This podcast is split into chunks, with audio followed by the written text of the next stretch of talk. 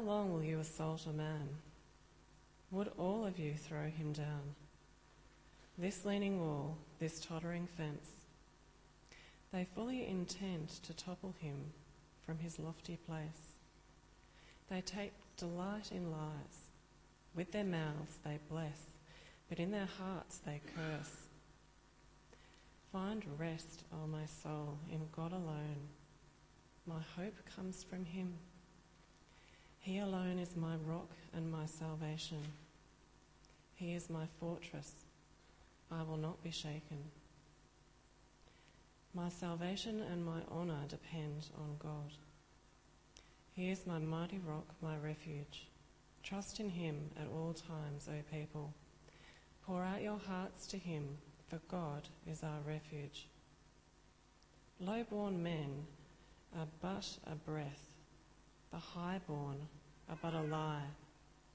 If weighed on a balance, they are nothing. Together, they are only a breath. Do not trust in extortion or take pride in stolen goods. Though your riches increase, do not set your heart on them. One thing God has spoken, two things have I heard that you, O God, are strong, and that you, O Lord, are loving. Surely you will reward each person according to what he has done.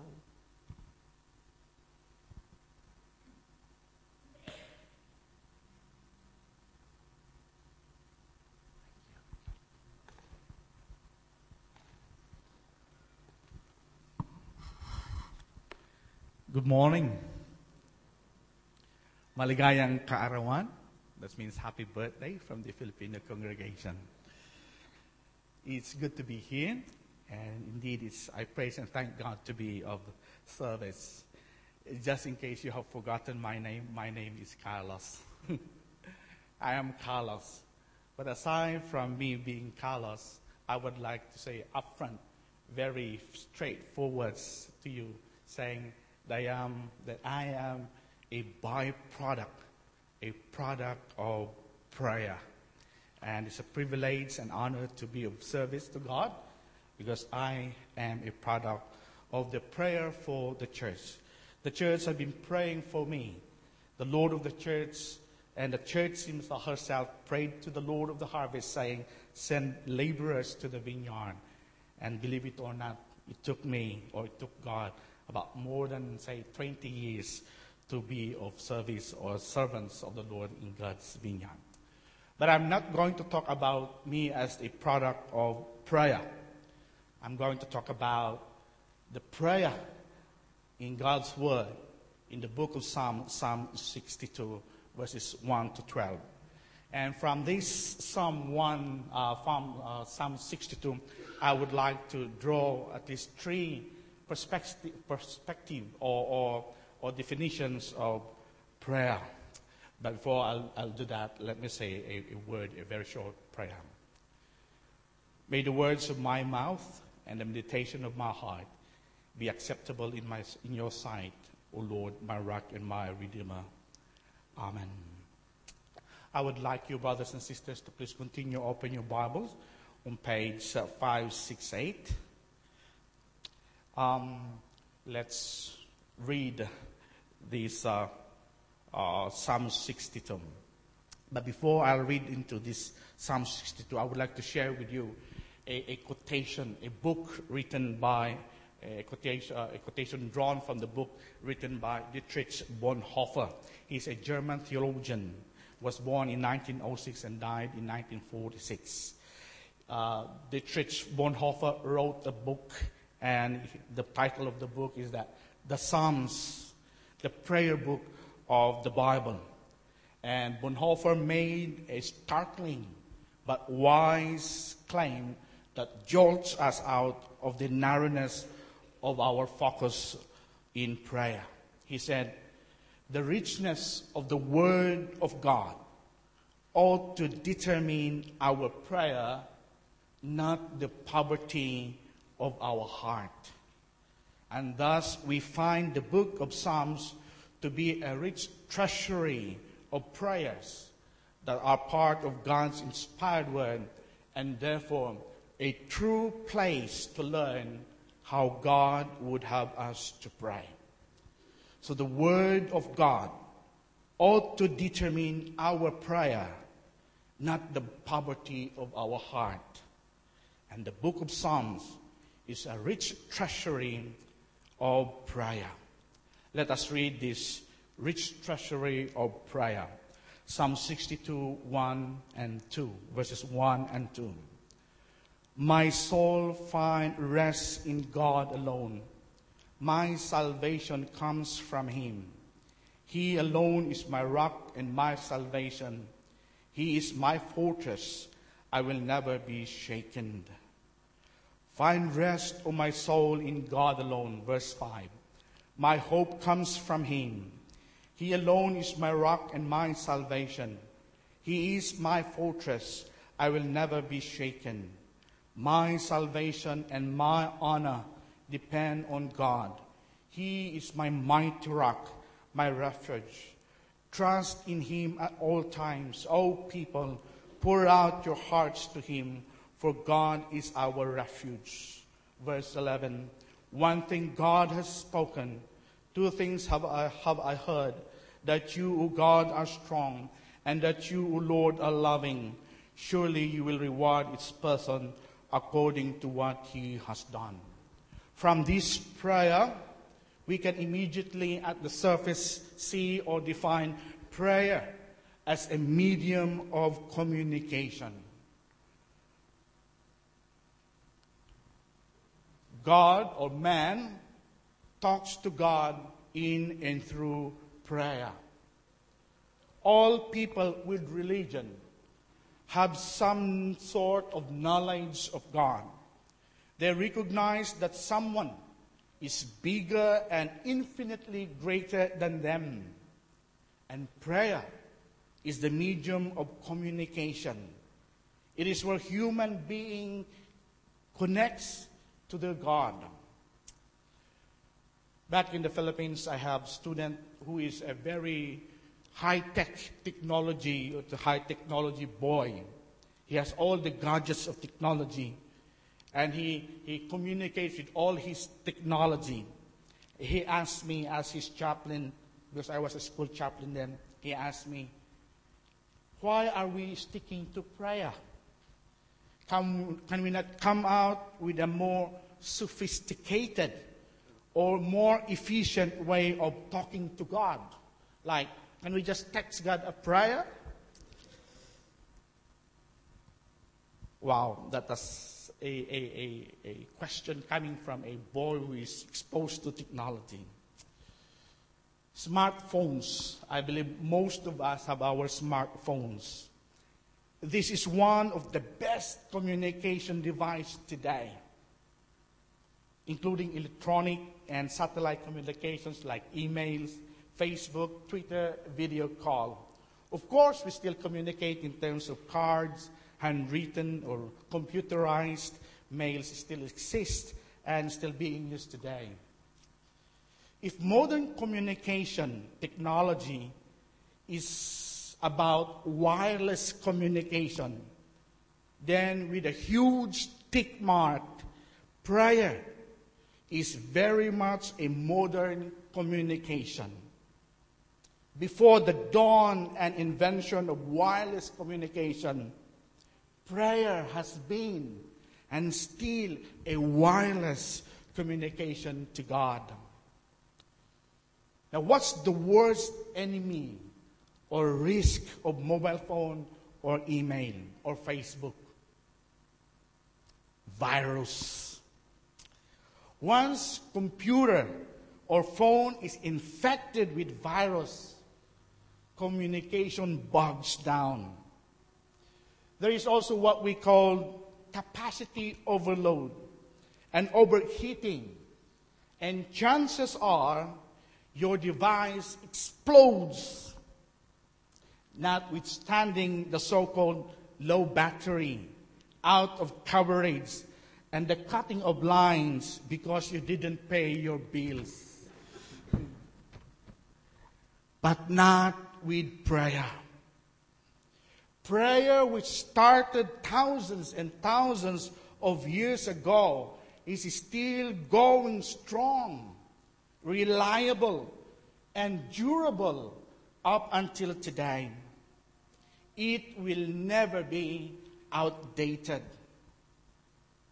Prayer can contain and channel millions of millions of communications, all sorts of occasions with all kinds and prayers and requests, and it won't bug down. Prayer can hold and flows the millions of unceasing prayers of the saints all over the world at the same time, and it won't jam.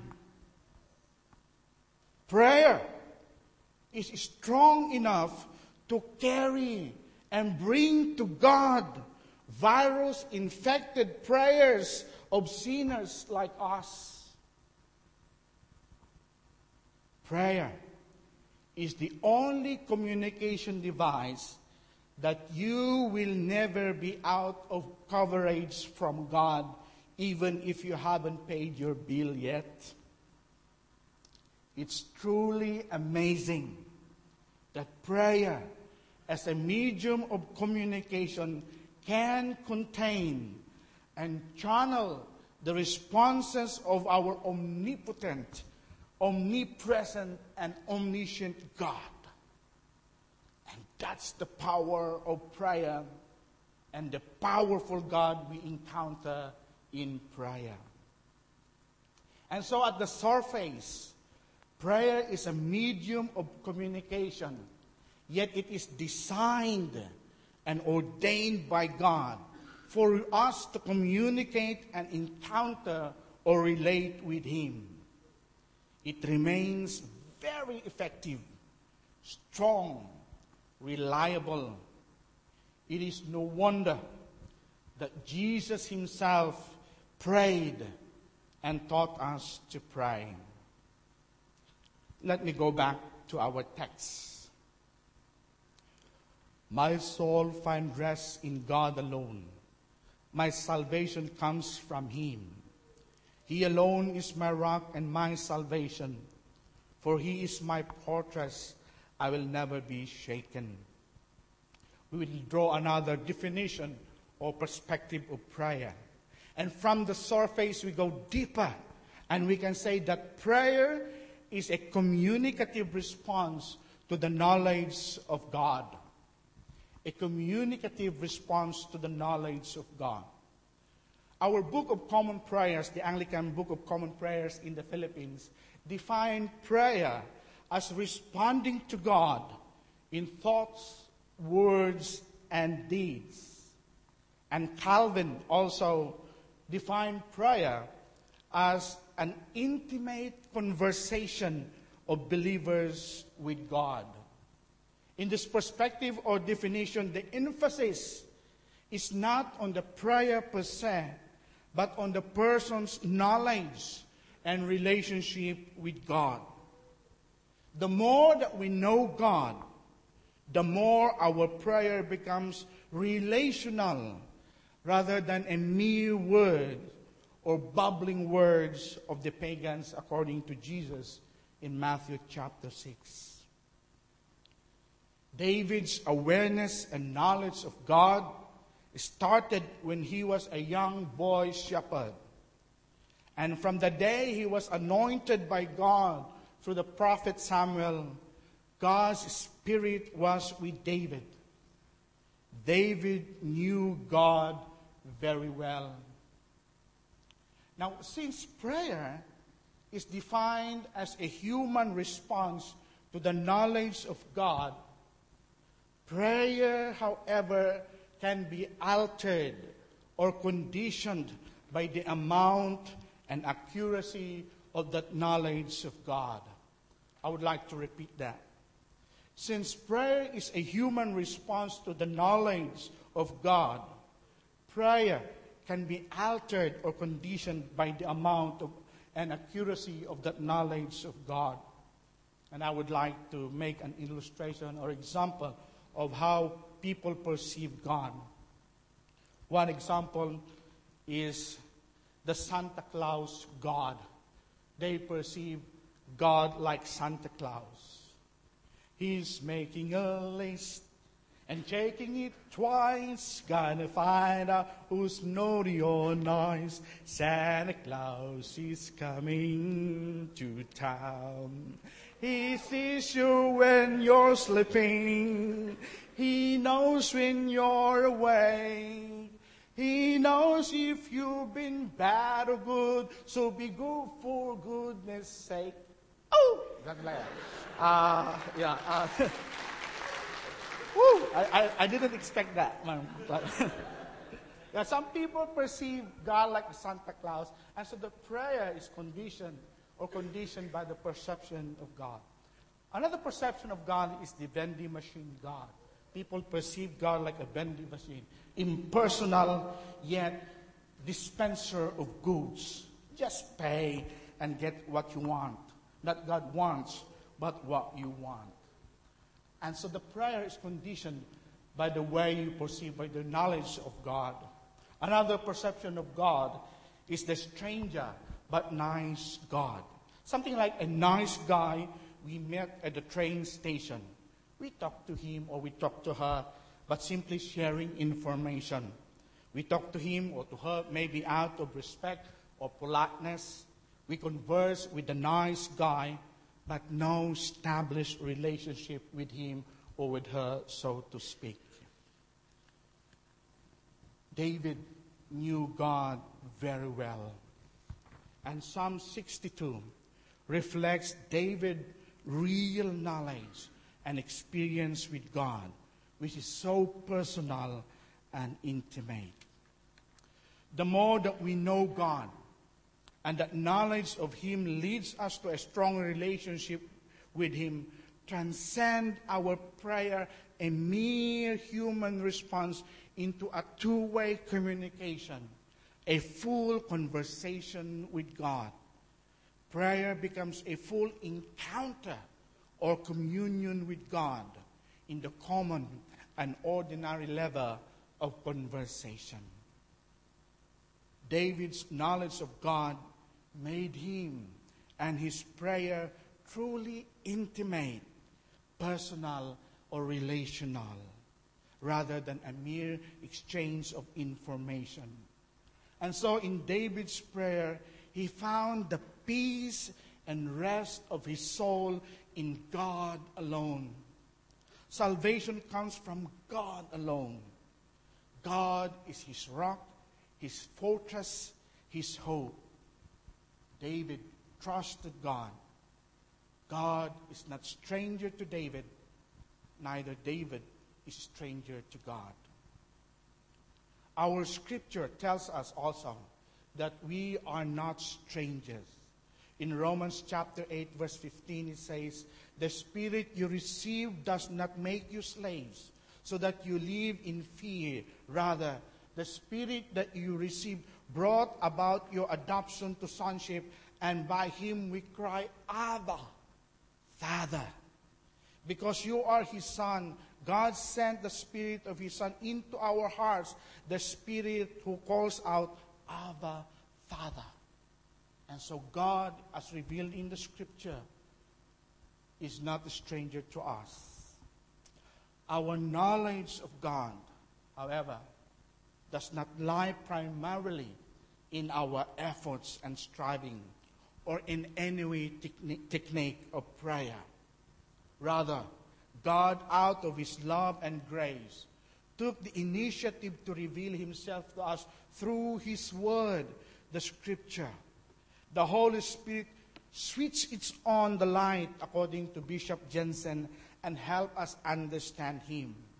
It is through the Word of God, the Scripture, and the Word of God incarnate, Jesus Christ, that we came to know and understand God. And that what makes our prayer Christian from other prayers of other religion. In the full sense, according to Timothy Keller, prayer is a continuing conversation that God has started through His Word, the Scripture, and His Son, Jesus Christ, and His grace, which eventually becomes a full encounter with Him or full communion with Him. Let me share you a testimony. I cannot remember the exact time when I first when I first prayed. However, I remember that my knowledge and my experience of God began and grow at church, grew at church. When the church gathers in Sunday corporate service and there, God's word are read and preached. And in my kids' church or Sunday school, I learned a song.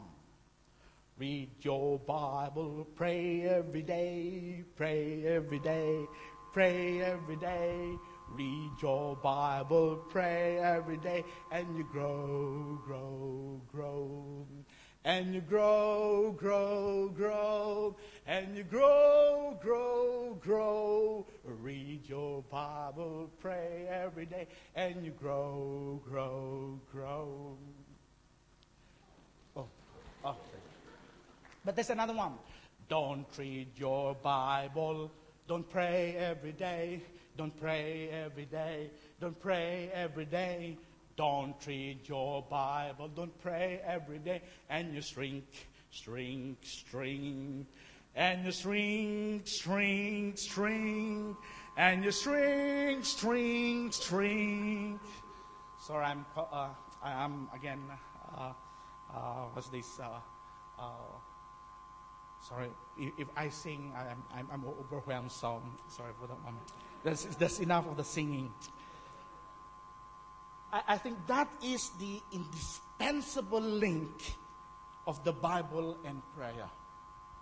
Bible is not just a repository of information, but a dynamic spiritual power, a living word of God where, can, where we can know more and more of God and encounter and relate with Him in prayer. And so we define prayer more of a relationship rather than religionship, if there is such a word. And so we thank the Lord that as a church, when we gather for our corporate worship, we read, teach, and preach from the scripture. God's Holy Spirit help us to persevere in doing this so that we can grow in the knowledge and love of God and of His Son, Jesus Christ, and make our individual and corporate prayers real, a continuing conversation and communion with God. Well, the third perspective, the third perspective or definition of prayer, and I googled this already, and I call this the rhythm or the pendulum of faith or prayer life with God. Now, I will ask the question Has your heart or your prayer ever felt like a pendulum or a seesaw? Your heart and prayer is torn or swaying between two things. Like, for example, if you are in the hospital, in the hospital, in the, the ICU, you were praying, is she going to die, Lord? Or is not going to die? Is he going to live? Or is he going to die? Or maybe if you are making a financial, financial big decision and you will pray, Lord, am I buying this house or should I not? Lord, should I buy this house or should I not? Or maybe you are torn between forgiveness and hate. Psalm 62 is a prayer that swings back and forth like a pendulum, a dynamic rhythm, a seesaw of our faith, of our prayer life with God. Now, what are the two sides? Trust in God, despair over people. Let us read. Truly, my soul find rest in God. My salvations come from Him. Truly, He is my rock and my salvation. He is my fortress. I will never be shaken. Interestingly, it starts with praising God, acknowledging God. And this is a good, healthy start. We start with trust and praise because we need to. It is where the power is.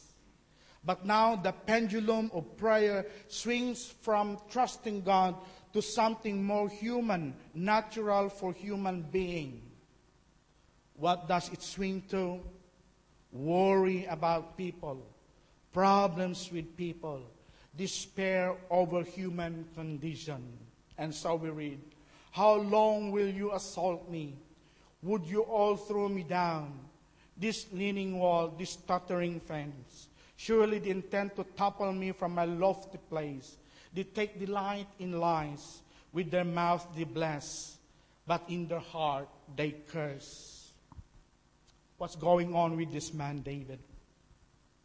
This is written by a king named David. His enemies are attacking. They want to throw him down. Think about it. David is a king. What do kings fear? They often fear the brothers or the sons or the army generals. Kings never feel secure as you might expect. They fear that people will dethrone them, and when they lose the throne, they die. Notice the emotion here. They bless with their mouth, but in their hearts they curse. Have you had people do that to you? What is it like? This is the other side of David's prayer. He is afraid. He is betrayed. He is hurting. He is troubled and despairing over people. Now, prayer is our place to express that, to rage and grieve over it. Notice that prayer is a place, is a safe place to do that. Prayer is a place, a safe place to express our despair. When you are in despair, don't let it end there, however. Flee to God, flee to His love. And when you are not safe with people, you are safe with God. The pendulum of prayer has swung again from despair over human natures back to trust in God. And so we read, Yes, my soul, find rest in God. Find rest, my soul, you alone. That's where they get that song.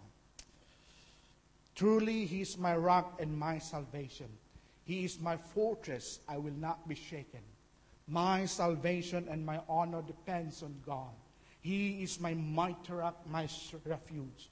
Trust in Him at all times. You people, pour out your hearts to Him, for God is our refuge. Notice how this prayer expands and goes further. This time, David talks of salvation and honor. And we ask, what is honor?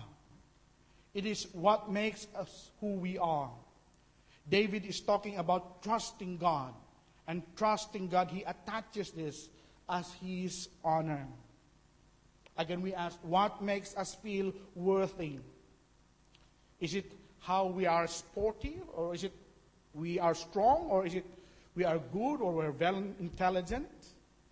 What makes you feel good about you that defines your honor? And where is David drawing his honor from? He's drawing his honor from God in the fact that God loves him not what people think of him, not whether they hate him or love him, but that God loved him first. Personally, I am honored that God will love me.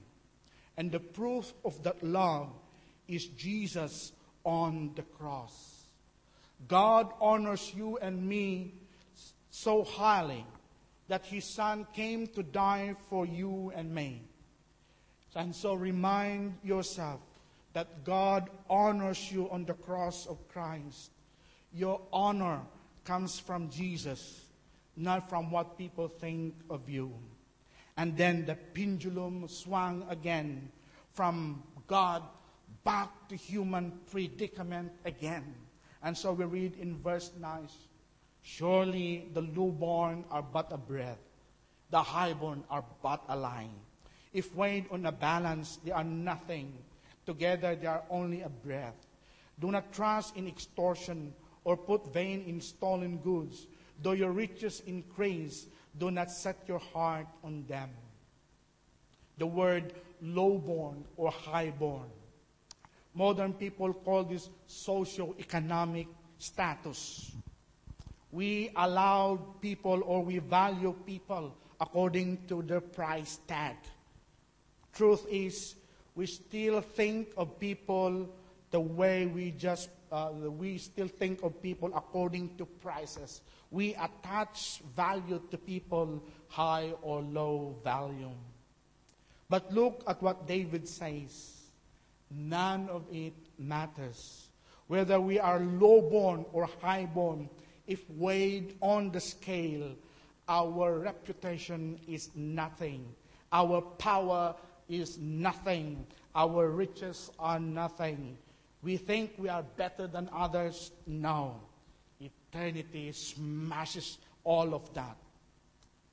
David realized that all our human glory is nothing compared to eternity. And if you have ever prayed back and forth like this, then perhaps you're not crazy.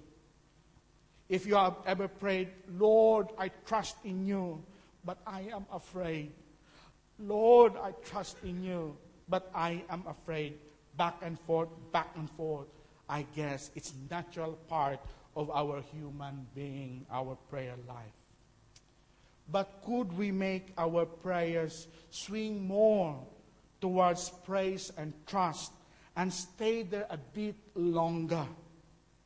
Instead of just telling God our problems, learn the other side of the pendulum. Say, I trust you. I rest in you. Everything is small compared to you.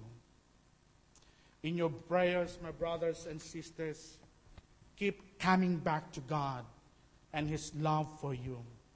Keep coming back even in darkness and pain to praising God.